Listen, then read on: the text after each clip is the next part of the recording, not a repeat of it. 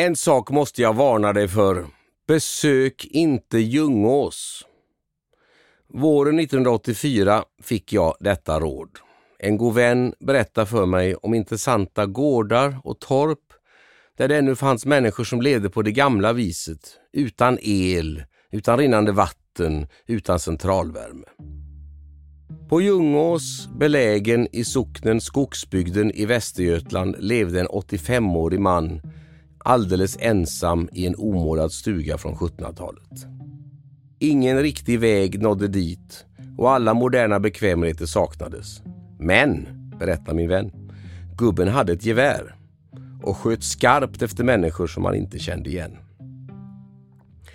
Den risken ville man ju inte ta.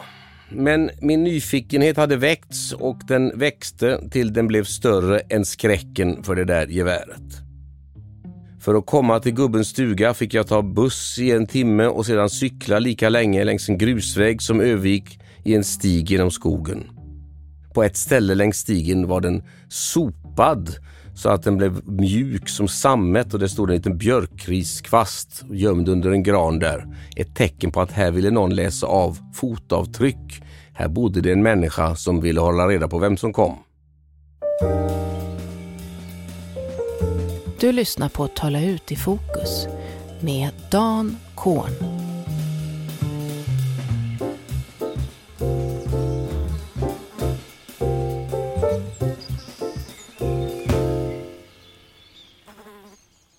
Han hette Oskar på Ljungås.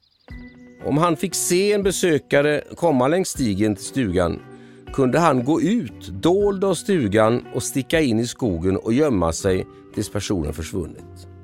Den främmande möttes av en stängd dörr. Ibland hade Oskar satt upp en lapp på dörren. En gång stod det ”Här finns inget att hämta”. En annan gång ”Varning! Tattar och tjuvar ska bli härifrån” endast denna varning. För att understryka allvaret i dessa ord hade han ritat tre kors längst ner på pappret. Och för att lägga extra tyngd bakom orden brukar han lägga tomma patronhylsor här och där vid strategiska lägen. Jag hade tur när jag kom till Oskar och förblev oupptäckt. När jag knackade på dörren öppnade en kortväxt man som plirade med ögonen och ville veta väldigt mycket om vad jag var för en.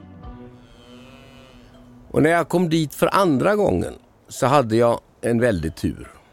Oskar stod på en stege och höll på att ta ner en bisvärm ur ett träd. Och kunde givetvis inte fly till skogen men behövde min hjälp.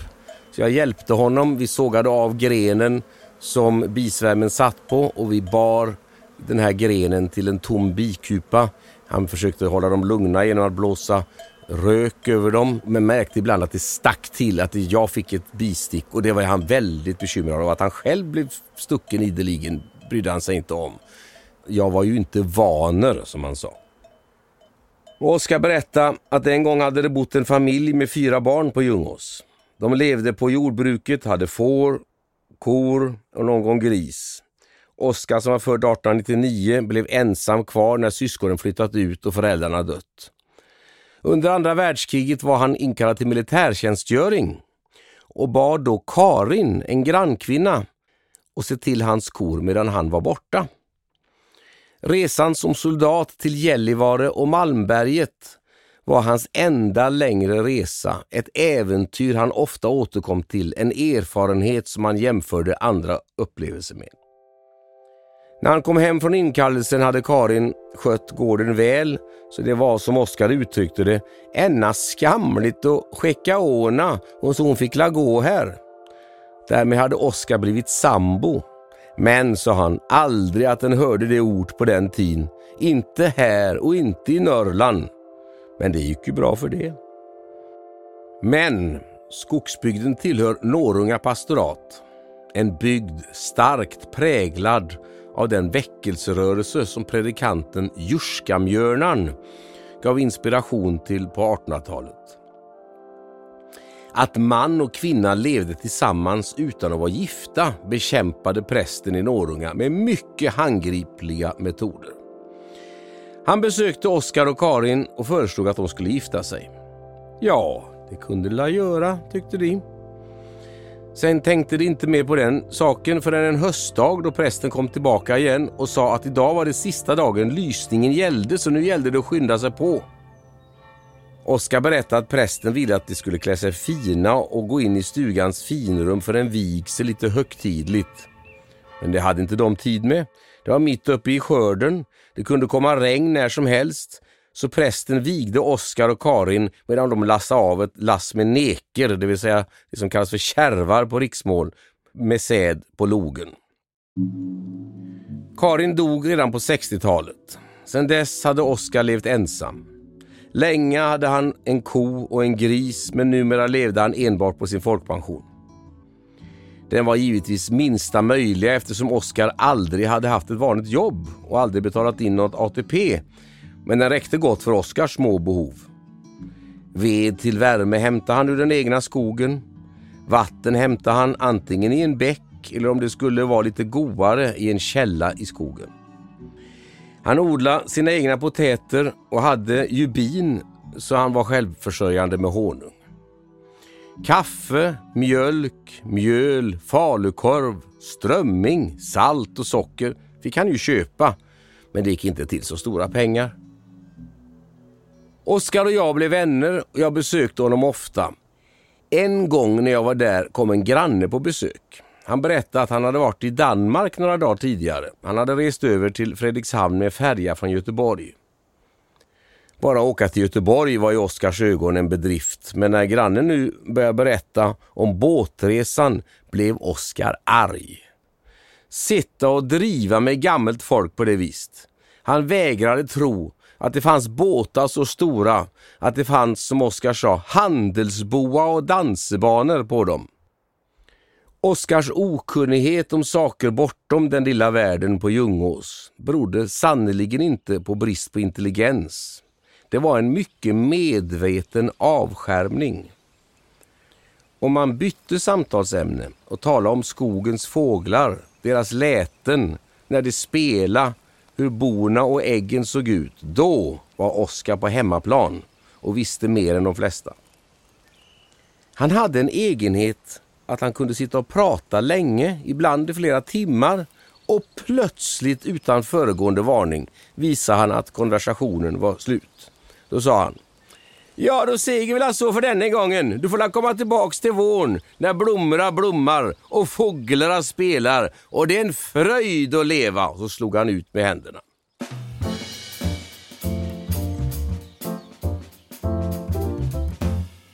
Oskar var långt ifrån den enda som fortfarande på 1980-talet levde i stort sett som på 1800-talet. Bara längs vägen där Oskar bodde fanns fler. I Skaftare fanns bröderna Ingvar och Reinhold som visserligen bodde modernt men som drev ett jordbruk med häst och hade korna gående på skogsbete. De höll sig med egen tjur, dels därför att de inte ville ha något med insemination och veterinärer att göra Dels därför att de tyckte att korna kunde ha lite roligt de med. Och längre in längs vägen hos bröderna Harry och Rune i Vråna var det som med Oskar och Karin. De hade anställt en hushållerska, Gunnel, som lämpligt nog gift sig med Rune så det inte skulle bli prat på bygden. Hos dem gick korna också på skogsbete och mjölkades för hand. Ängarna slogs med lie och det bar in höet på ryggen. Och så fanns ju väktarens Tyra. Hon bodde i en liten rödmålad stuga vid vägs ände och kunde berätta om hur hon hört Näcken spela och om en grannkvinna som hade sett en trollhare. I alla tider har det givetvis funnits människor som velat pröva på nya djärva ting som ingen annan provat medan andra velat leva vidare så som de alltid har gjort. Länge var väl det som föredrog det gamla en överväldigande majoritet det kunde rent av avrätta dem som ville pröva på något nytt. Men under 1800-talets och 1900-talets industrialiserings och sekulariseringsvågor förändrades allt det där. Det som tidigare varit djärv avantgardism började ses som idealet. Det gamla sågs som fel bara därför att det var gammalt. Jag minns från min allra tidigaste barndom att jag reagerade mot det där. När gamla hus revs kunde jag bli gråtfärdig. Vi bodde i Mölnlycke grannar med gården Kämpens som drevs av två systrar, Kämpatösera och en dräng. Jag minns hur jag en gång mötte kämpens valborg på Kungsgatan i Göteborg där hon kom åkande med sin flakvagn spänd bakom hästen. Att det var en gågata struntade hon i. När jag såg hur folk tittade nyfiket på henne när hon satt på kustbocken, morsker, kände jag en stolthet över att det var min granne.